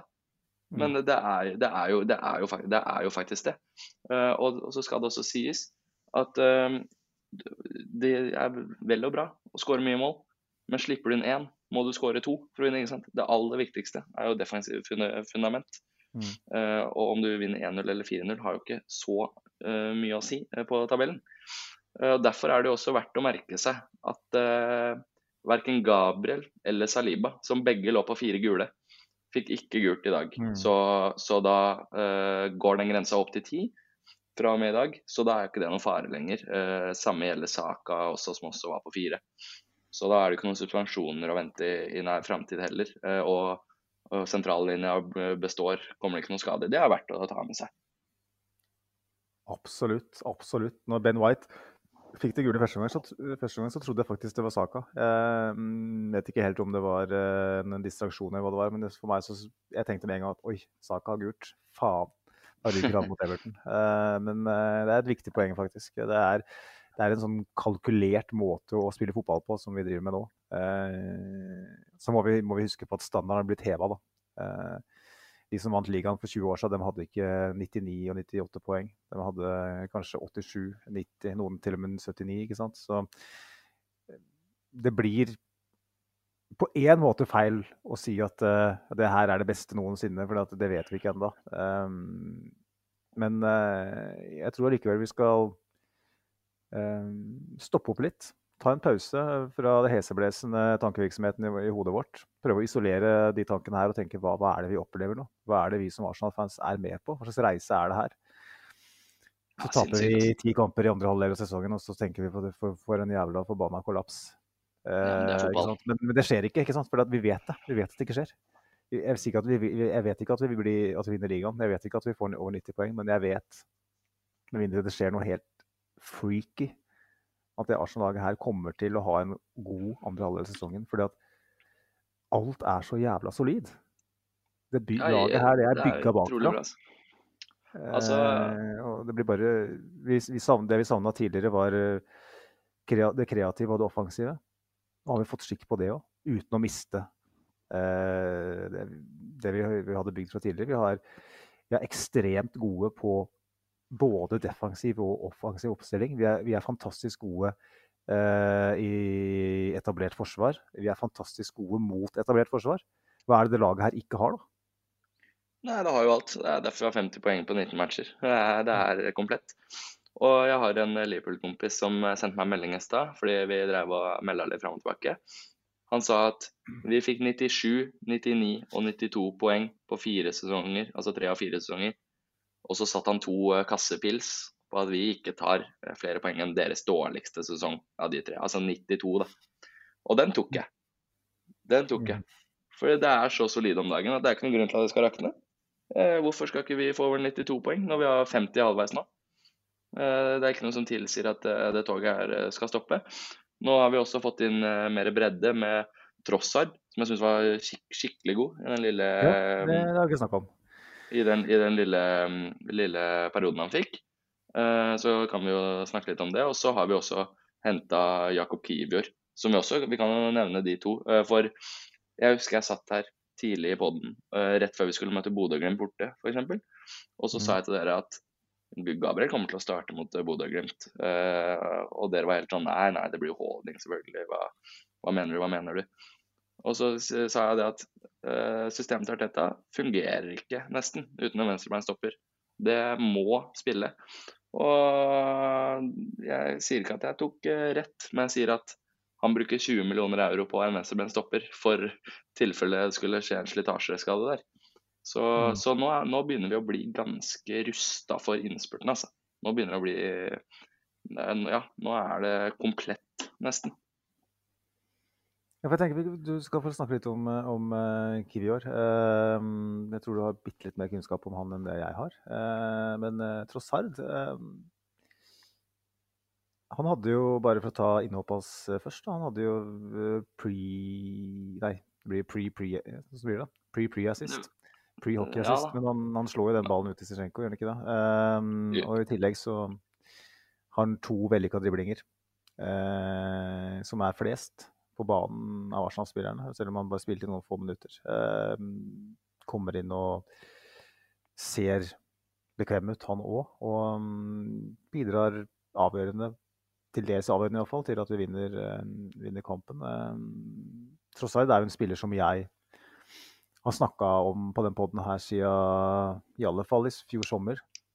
Det er ikke for å for å lansere meg sjøl som en sånn framsynt uh, Snåsa-mann som sier at uh, det kommer Arteta til å gjøre i januar. Men uh, jeg har sett ganske mye Brighton. Og Trossard har liksom alltid merka meg han. Uh, jeg syns han har noe ved seg som gjør at han kunne passa inn i Arsenal. Han er veldig anvendelig. Vet at Arteta liker spillere som kan bekle ulike roller. Han er en voldsomt god i presset. Vi så en stat nå i, i midtuka her, vel. eh, om at han Det er kun Martin Ødegaard og, og to andre som har flere ballgjenvinninger på siste tredel. Det er en stat som overraska selv meg, som da har vært litt sånn pro Trossard. Det, det, det, det er en ekstrem statistikk. Han eh, har skåra sju mål. Han har skåra mot Liverpool, han har skåra mot Chelsea, han har skåra mot eh, City. Har han ikke det? Um, han, Jo, det han, han stepper opp i, i store kamper. Han er en voldsomt god kombinasjonsspiller. Han har enorm ro med ball i bein i, eh, foran mål. Jeg har sett en del ganger hvor han venter ut forsvarere som sklir. Litt sånn eh, litt light-versjoner av det Øzil gjorde mot Rudo Goretz for eh, en del år siden. For meg så er han en sånn Han er ikke elite, han er ikke en Saka, han er ikke en Mudryk heller, for den saks skyld, men han er akkurat det vi trenger her og nå. Han er Premier League proven. Han går rett inn og bidrar. Og han er eh, som passer som hånd i hanske i det laget her. Han, han, han går inn og tar en backup-rolle, og det er akkurat det vi trenger. For vi trenger ingen starter. Ja, Martinelli har slitt litt nå, men det han gjorde første halvdel av sesongen totalt sett, er såpass bra at det vi trenger, er at det kommer inn en som kan gå inn og gjøre en jobb. Og tross alt kan komme inn og gjøre, gjøre en jobb, og mer enn det. Eh, Så jeg er jævlig, jævlig happy med at eh, han kom inn. Ja, det er jeg også. Og, bare det lille han gjør i dag. Du ser draget hans.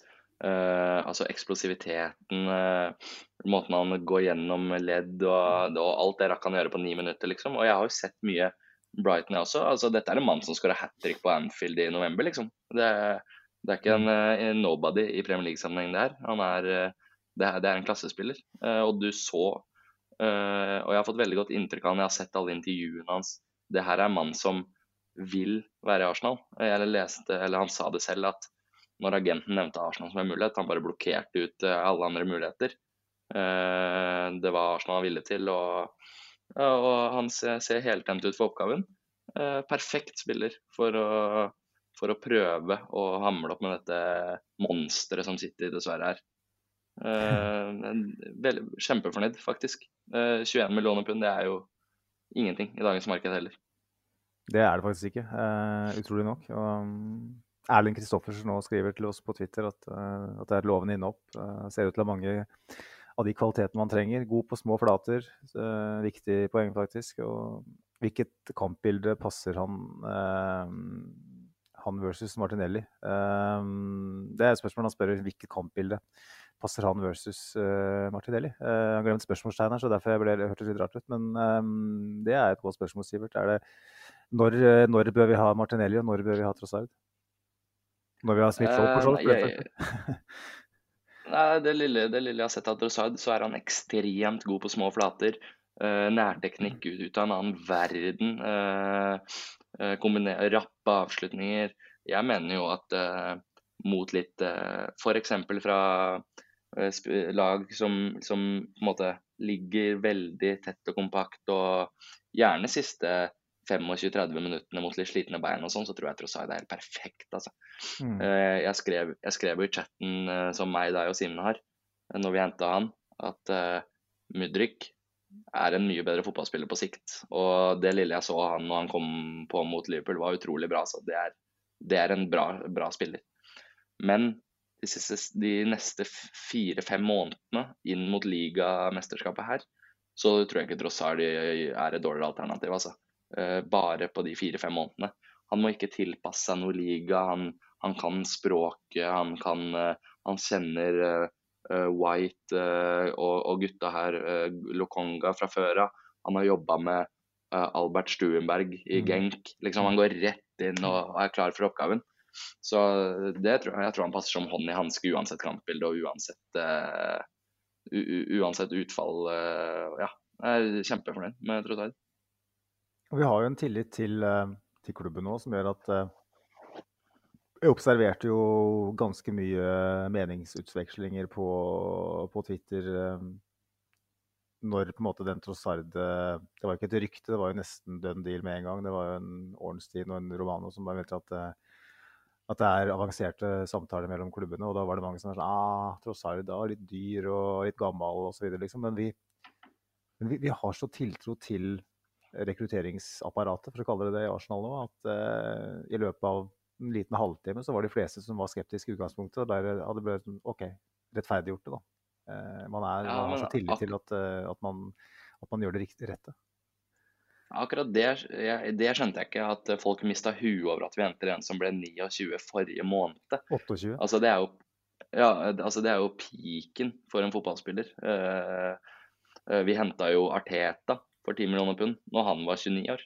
Uh, og han vant jo fire, fire trofeer med oss, og liksom det er, det, er, mulig å hente en vi, vi, kan ikke bare ha kalver, liksom. Det er, det, er, det er en perfekt signering på alle mulige måter.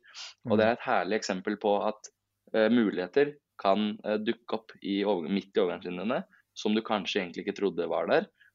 Fordi altså, overgangsvindu er, en, det er en jævla dominobrikke. Det er vanskelig. For mm. det er ikke FM det her, altså. Så når, når den muligheten åpna seg, å få ham for ja, det blir vel 70 millioner euro, da, uh, mindre enn Trossard, nei, mindre enn Mudrik, kjempebusiness. Mm. Og um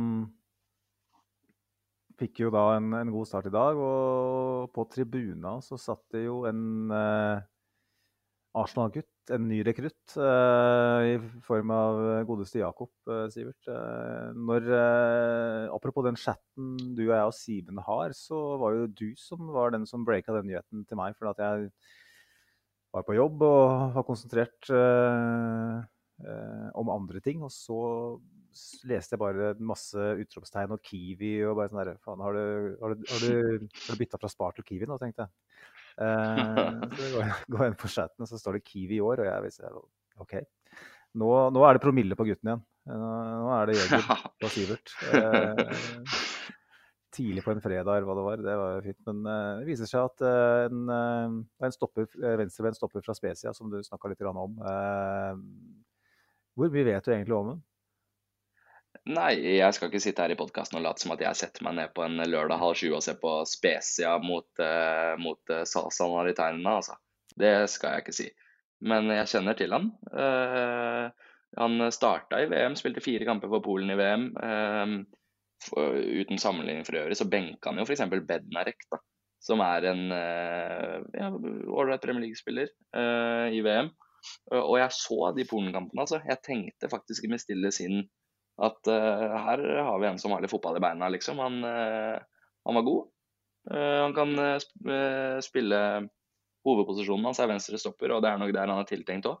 men han kan spille både ute på venstre bekk, og han har også operert på midten tidligere. Nå vet ikke jeg hvor godt han bekler det, men da belager jeg meg på transfermarkt, som, som melder at han kan gjøre det.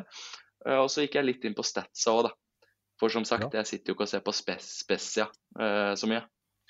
Ehm, jeg, jeg, la spesielt merke til én ting. Eh, han eh, er 1,90 eh, høy og har vunnet 64% av alle luftdueller i Serie A i år som han har vært i. Og så tenkte jeg først mm, det høres jo egentlig ikke så mye ut, 64% for en stopper som møter lave, lave italienske spisser, liksom. Er det så mye å banke i bordet med, da? Så sjekka jeg Gabriel Mangalesh, da, som jeg mener er et monster i været. Mm. Uh, han vinner bare 49 det er, Så det sier at uh, her, her, har vi en hodespiller. Og så Mens jeg sammenligna de to, da, så så jeg på interceptions. For jeg mener jo at Gabriel sin beste forse, det han har forse, det er jo at han er utrolig god på interceptions. Altså å komme foran som forsvarer, foran spissene, vinne ball. Mm. Der har, der har godeste Gabriel 0,9 hver kamp, som er bra, altså. Det er høyt der oppe i alle sammenhenger. Uh, vår, mann, uh, vår, mann, fra norgesgruppen her, Kiwi, har 1,5. Uh, eh, jeg sier ikke at han er noe bedre enn Gabriel og noe worldbeater bare pga. de stats her, men det sier meg at dette er en spiller som starter i Premier League, nei, i Serie A, født i 2000, og starter for landslaget sitt. Det må jo være lov å få inn det, vel? Det er jo Det høres veldig lovende ut. Og um, jeg er jo helt blank når det gjelder han fyren her, men uh, igjen da så lener man seg på talentet til, uh, til Edu og Ariteta. Det, det, er sånn, det er nesten litt sånn beroligende når man når de, når de kommer med en spiller som de aller fleste ikke har hørt om. Da. Uh, for det er jo gjerne sånn at hvis du ser på de klubbene som virkelig ikke har lyktes på overgangsmarkedet, så mm, f.eks. Everton, da, som vi skal møte i neste runde, det, dem, og, og, Chelsea, ikke minst, sånn som de holder på nå. så er det sånn, De henter liksom, det åpenbare targetset hele tida. De bare henter spillere som alle har hørt om. Eh, de bare mm. gjør det som de tror fansen ønsker at de skal gjøre. Eh, det, er, det har Arsenal slutta med. Vi gjorde det til dels vi tidligere òg. Det var litt sånn populistisk, spesielt under Raoul Sanei. Um, og til dels uh, siste de, tida under Wenger, hvor vi henta Aubameyang, Mkhitarian. Uh, det var sånn ja, Det her det virker litt sånn Nå skal vi, nå skal vi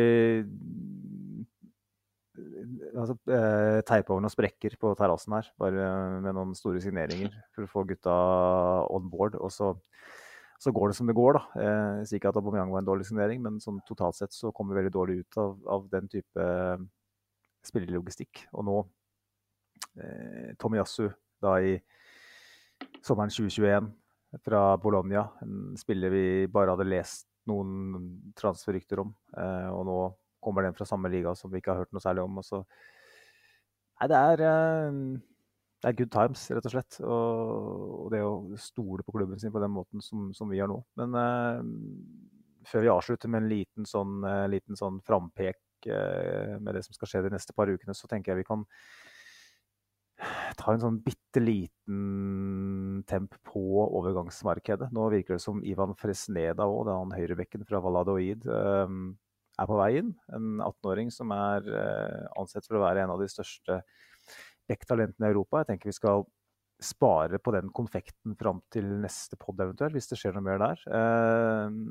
kanskje ikke det mest prekære. Eh, hvis Cedric går til Fulham, så kanskje, kanskje, trenger vi en back. Men eh, det er én med en venstrebein stopper inn og en, en angriper inn og en Smith-Roe tilbake, så er det én posisjon som på en måte står igjen og gaper etter forsterkninger, og det er midtbanen. Og nå har det vært noen rykter siste døgnet faktisk om, om at Arsenal har vært ute etter både den ene og den andre. Um, tror du det skjer noe der, Sivert, på midtbanen før vinduet stenger?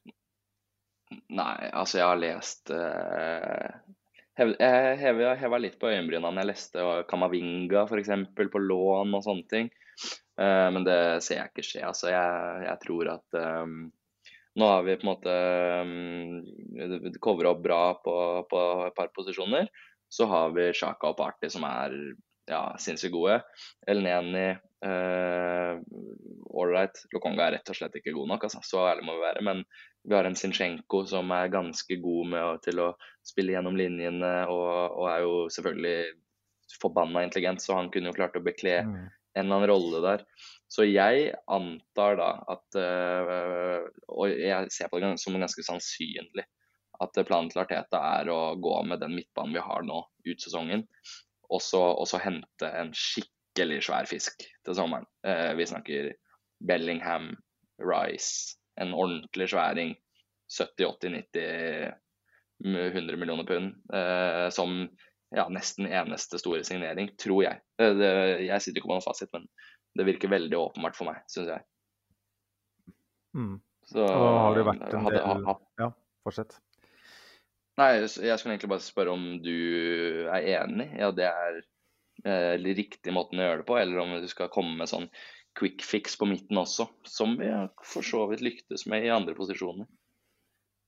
Ja, um, ja altså jeg, jeg, tror ikke det kommer inn noe storfisk nå, det gjør det ikke. Um, jeg vet ikke helt hvor de der Rice-historiene kommer fra.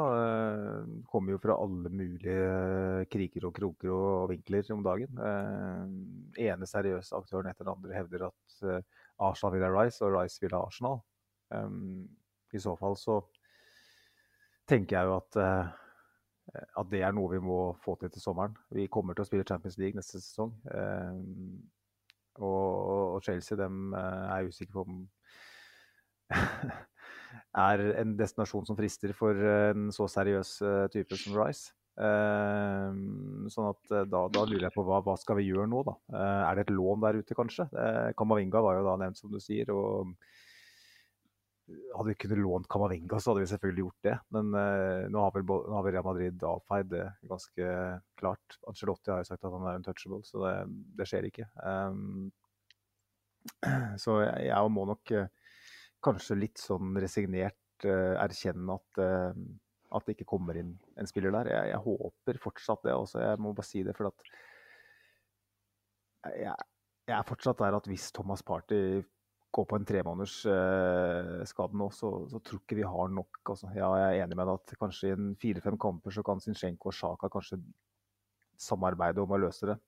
Uh, nå tenker jeg kanskje Sjaka spiller den dype rollen, men at Zinchenko spiller ganske dypt, og at vi får en Tierney på, på bekken. Um, men jeg, jeg, mener vi Lokonga ser helt det ut, og, og El Neni holder ikke. Jeg har jo tidligere sammenligna han med en uh, hullete bokser. Den som ligger bakerst i skuffen, som du kun bruker på den dagen når alle andre, når vaskesyklusen har gått til helvete. Så tenker du at OK, nå bruker jeg den til bokseren? Er godt jeg hadde den. Og den er du glad i når du bruker den, ikke sant? Du er glad i den hullete bokseren når du ikke har brukt den på tre måneder. For det redda deg fra å gå kommando. Eh, men Arsenal er ikke på et, på et stadium nå at, eh, at, det er en alternativ å finne den bokseren bakerst. Nå må vi utnytte den, utnytte den, posisjonen vi er i. Eh, så det er en litt sånn vanskelig balansegang. Hva skal man gjøre? Skal man gå all in og risikere å kanskje gå glipp av Rice til sommeren? Og vinne ligaen nå?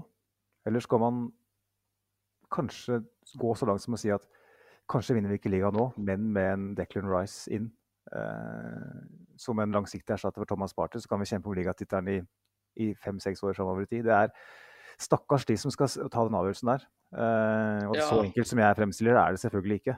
Eh, men det er litt sånn Ja, jeg, jeg, jeg syns det er vanskelig, for det, kommer bli, det, kommer til å bli, dømt uansett hvis de ikke vinner ligaen. Um, ja, altså, det er utvilsomt, men det, altså, for det første er det over min uh, stillingsbeskrivelse som ennå om, uh, først og fremst. For det andre så er det jo få muligheter i, uh, i et januarvindu. Jeg er faktisk litt overraska over at Forrest henta denne Danilo, som vi mm. har, har snusa litt på. Det tror jeg kunne vært et greit alternativ. For et, sånn. Men han er jo åpenbart veid og funnet for lett. For hadde Arteta ville hatt han, så hadde han jo vært Arsenal-spiller i dag. For han var jo åpenbart tilgjengelig. Mm. Så, så, det er, um, så, Det var jo en sånn type spiller som ville komme inn og, og trengt tilpasningstid. Da. Den som skal komme inn i den midtbanerollen nå, så hadde Douglas Louise ikke skrevet under den kontrakten med Aston Villa. Så kanskje hadde vi gått tilbake der og, og prøvd oss på han. Uh, jeg tenker Premier League proven er Hvis vi skal gå for en kortsiktig løsning, så, så må jo det være nøkkelbegrepet her. Uh, jeg ser ingen ja. muligheter akkurat nå, så jeg tror nok du har rett i det du sier. At sannsynligvis kommer det ikke inn noen i den rollen. Og det, det er et, et svei ikke et sverd du kan falle på, for at den kommer til å Jeg tror de fleste kommer til å akseptere hvis City vinner ligaen med 98 poeng, liksom. Men eh, det er en sånn sånn liten sånn avveining her. Eh, skal, hvor hardt skal man gå for det? Eh, for det, det, er en mulighet her nå. Altså. Det er en enorm mulighet ja. til å, vinne Premier League. Så det er stakkars, stakkars de som skal ta den avgjørelsen. Um, ja. Nei, jeg, jeg, altså jeg, jeg, sikler på tittelen, selvfølgelig. Men jeg sikler også veldig på Jude Bellingham til sommeren. Altså. Så, så um, vi får se hva som skjer. Enjoy the ride. Akkurat nå er riden jævla moro, i hvert fall. Vi fikk et uh, spørsmål uh, fra noen på Twitter angående, angående akkurat det med, med, Bellingham. Skal vi se her. Du kan jo prate mens jeg leter. Uh, for Bellingham er kanskje Jeg vet ikke helt hva han skulle vært i vårt lag. Er han en som skal spille samme Party.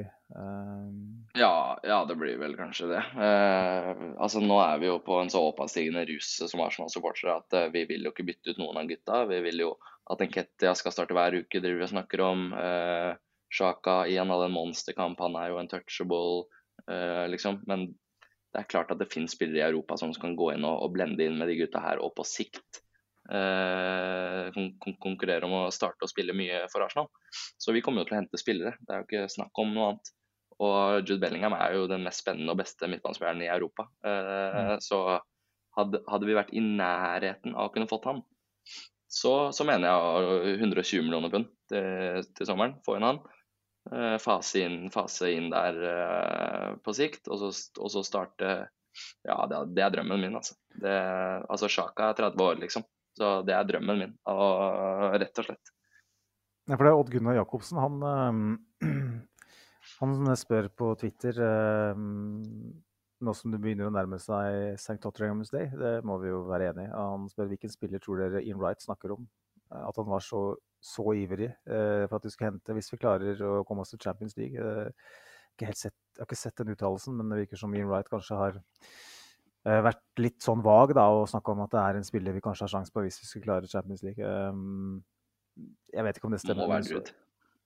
Jeg tror ikke det er Declan Rice. Jeg vet ikke. Jeg, han har jo sjanse uansett. Ja, ja men, altså, vi kan ikke late som at men vi klarer jo Champions League. Jo, men det står ikke å falle på Champions League for å hente Declan Rice. Han, han, han, vil jo til Arsenal uansett, han. Ja, så vi, vi kommer til å klare Champions League, så um, det, det mediene skriver, er jo at, at, han vil jobbe med universitetet, og det kan jeg jo, kan jeg skjønne. Um, men Sivert, klokka den eh, tikker og går, den. Og um, uten uh, Simen å holde oss i øra, så kan det her ta lang tid. Jeg bare tenkte vi kunne avslutte med en sånn lite, lite frampek. Vi er, um, vi er ferdig med eh, marerittrekka eh, etter VM-pausa. Vi starta med Westham, vi hadde Brighton, vi hadde Newcastle, vi hadde Tottenham, vi hadde Manchester United. Står igjen med 13 poeng vel, av 15 mulige. Slått United, vi har slått Tottenham. Eh, nå har vi Everton. Vi har City i FA-cupen, den kan vi ta to år om helt til slutt. Men vi har Everton nå borte i neste, og så er det Brentford hjemme. Før vi har City hjemme. Er det Hvor, eh, hvor, happy er du med det vi har gjort etter, eh, etter VM-pausen? Og hvor stor tro har du på at vi kommer til å feie eh, Frank Lampards Everton av banen, hvis Frank Lampard er manager fortsatt? Sinnssykt imponerende, sinnssykt imponerende det vi holder på med. Og skal du vinne ligaen, så må du dra bort, borte mot egentlig alle lag og feie av banen. Uansett om det er Everton med new manager bounce, eller om det er Tottenham. Altså du du må spille hver eneste kamp som om du er favoritt, og, og, og det syns jeg vi gjør, og så til de grader. Uh, vi kommer til å slå Everton borte uh, om en, et par uker siden. Det er null, det er ikke et fiber i kroppen min som tror noe annet. Og, og skjer det, så blir jeg veldig overraska, og da får vi ta det, den tid, den sorg, altså. Mm. Men så gode som vi er nå, det er, det er sinnssykt. Og den, den, rekka du sa nå, de to neste, helt winnable, de, altså. Og så blir det veldig deilig å få muligheten til å flekke litt tennene med City nå i FA-cupen for å se hvor vi står. Ikke at de er noe sånn eh, overmenneskelig Altså, vi vet at vi er på høyde med de. Eh, vi mm. var jo bedre enn de på Emirates forrige sesong, når vi dessverre tapte. Og, og, det kommer til å bli en jevn kamp uansett, det, altså. Men uh, får vi seks poeng inn i City-kampen, uh, det må vi nesten nei, Vi må jo ingenting, men ja, det jeg prøver å si til deg, Magnus, er at det ser ut som vi kommer til å holde dampen oppe. Og, mm. og, det er jævlig spennende tider. Eh, mer enn det har jeg egentlig ikke lyst til å drive og drømme meg bort for mye, altså. For City er så jævla gode. Altså, det er ikke mange lag i Europa som ligger under 2-0 uh, eh, til pause og snur, uh, uh, sånn som de gjorde mot Tottenham. Ja, Tottenham er dritdårlig, men de gjorde det, og de gjorde nå det. Og de, altså, de kveler jo Wolverhampton i dag. Så jeg, jeg er livredd, rett og slett. Kan uh, Guardiola sin uh, tordentale til både fans og spillere være nettopp uh, det doktoren foreskrev for dem? At nå, nå, trenger de en reaksjon, rett og slett. Nå, for nå har de vakla over ganske lang tid. Uh, de har bytta voldsomt på både lag og konstellasjoner og backfirer, og de har rota bort poeng mot all alle mulige typer lag, virker det som. Brentford hjemme og United borte. ikke sant? Det er litt av et spenn sånn sett. Um, mm. er, det, er, du redd for at City nå våkner, og at eh, for å vinne ligaen så må vi faktisk nesten klare å opprettholde den tempoet vi har hatt hele veien? Ja, det er ikke nesten heller. Det er, det må, altså vi må Altså, du vinner ikke den ligaen denne sesongen her uten å ta over 90 poeng. Det er, kling, det er klinkende klart. Du må ha over 90 poeng. Mm. Og når, du, når, du, når, eh, det laget som puster deg i nakken, har uh, Brauten på topp som har uh, hva er det, 22 goller på 20 kamper, og en, uh, og en Kevin, De Bruyne, Kevin De Bruyne som driver og sender, sender stikker et land, så kan du ikke gjøre annet enn å måtte respektere det og ta og, og, og, nå er ballen i vår halvdel. Altså, det, er, det, er, det er mer vår tittel å tape enn Citys uh, å vinne akkurat nå.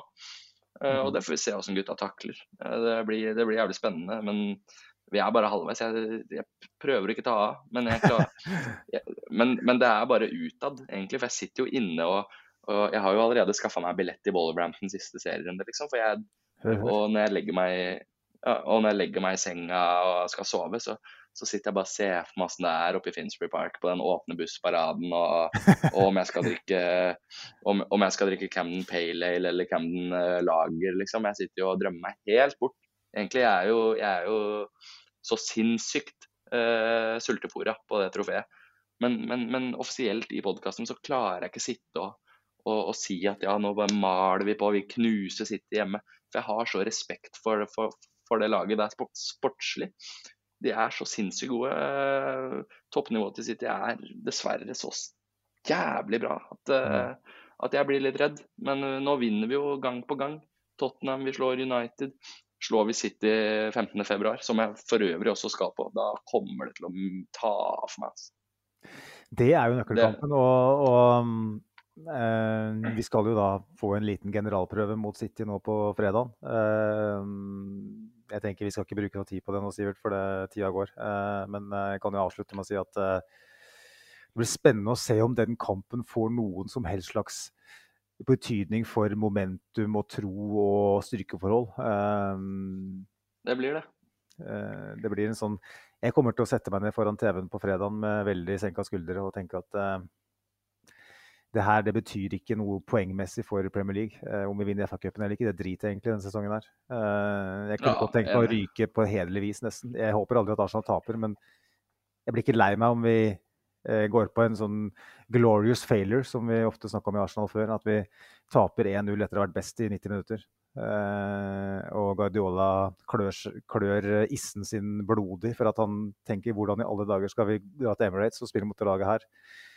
Eh, det er eh, Skrekken er at, eh, at Haaland kler av eh, Gabriel og Saliba og liksom set, måtte plante flagget på et vis. Utover det så tenker jeg hva som skjer sånn med tanke på progresjon i cupen, det er nesten så driter i. Så lenge vi drar derfra med en slags følelse av at vi er vel så gode som sitter, hvis ikke bedre. Ja, helt enig, altså. Eh, har egentlig ikke så mye å tilføye. Jeg har mest lyst til å se på The Good Doctor og drikke Fanta uh, nå. For nå er jeg så tom. Nå er altså eh, Jeg blir like sjokkert hver ene. Jeg blir Ja, det er herlig, altså. Det- Vi er så jævla gode om den. Det er, det er moro å være Gunner, Magnus. Du er god du òg, Sivert. Jeg må bare takke for at du nok en gang sitter her med meg og snakker om det her. Vi, vi, vi hadde en liten oppfordring på slutten av forrige episode. Det var du som tok innstill den, og det har funka, altså. Du spurte kan ikke folk bare gå inn og følge oss på Twitter, de som sitter og hører på det her. Eh, og jeg tror i hvert fall fått sånn 40 nye følgere på Twitter. Eh, kan du ikke gå videre på den, Sivert, og bare oppfordre de siste gjerdesitterne til å til å bli med på festen på Twitter. Ja, det må det, altså. Og jeg så faktisk også at et par av de nye følgerne var sånne brukere med sånn tre-fire følgere sånn, som akkurat lagde Twitter. Uh, og da, det, da mener jeg du har skjønt poenget mitt. Altså, fordi Hvis du sitter og hører på podkasten og ikke er på Twitter, så føler jeg at du går glipp av så mye snacks. Så mange fine diskusjoner og statistikker og, og, og synspunkter. eh. Altså Mye av det jeg sier i poden her, har jeg lest en eller annen tweet eh, og bare gravd bak i hjernen min. For du tenker du, du, du, Det er bare det er den appen jeg bruker mest tid på, og vi er på den pod-appen. Og det er der vi leser lytterspørsmålene våre fra. Det er der vi kommer med, med eh, kamprapporter, eh, morsomheter, kalendere har vi hatt på julekalendere julekalendere, sånne ting. Så det anbefales og oppfordres til å være en del av det lille miljøet der. Nydelig. Da tenker jeg vi avslutter med å takke for følget nok en gang. Eh, vi er vel da tilbake etter eh, Everton eh, Nei, etter City, unnskyld. Antar til samme tid, vi får se. Eh, og følg oss da på Twitter, som sagt, på atpodarsenal. Gå inn på Facebook og følg oss der. Send oss noen hyggelige ratings og reviews på iTunes. Og gjør alt du kan for å hause oss opp. Eventuelt, eh, hvis du skal si noe negativt, så mm, send det på ideen. Vi har ikke lyst til at andre skal se det. Så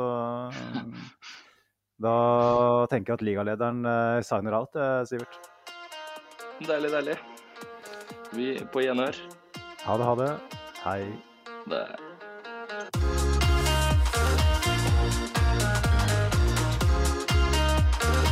This train terminates here.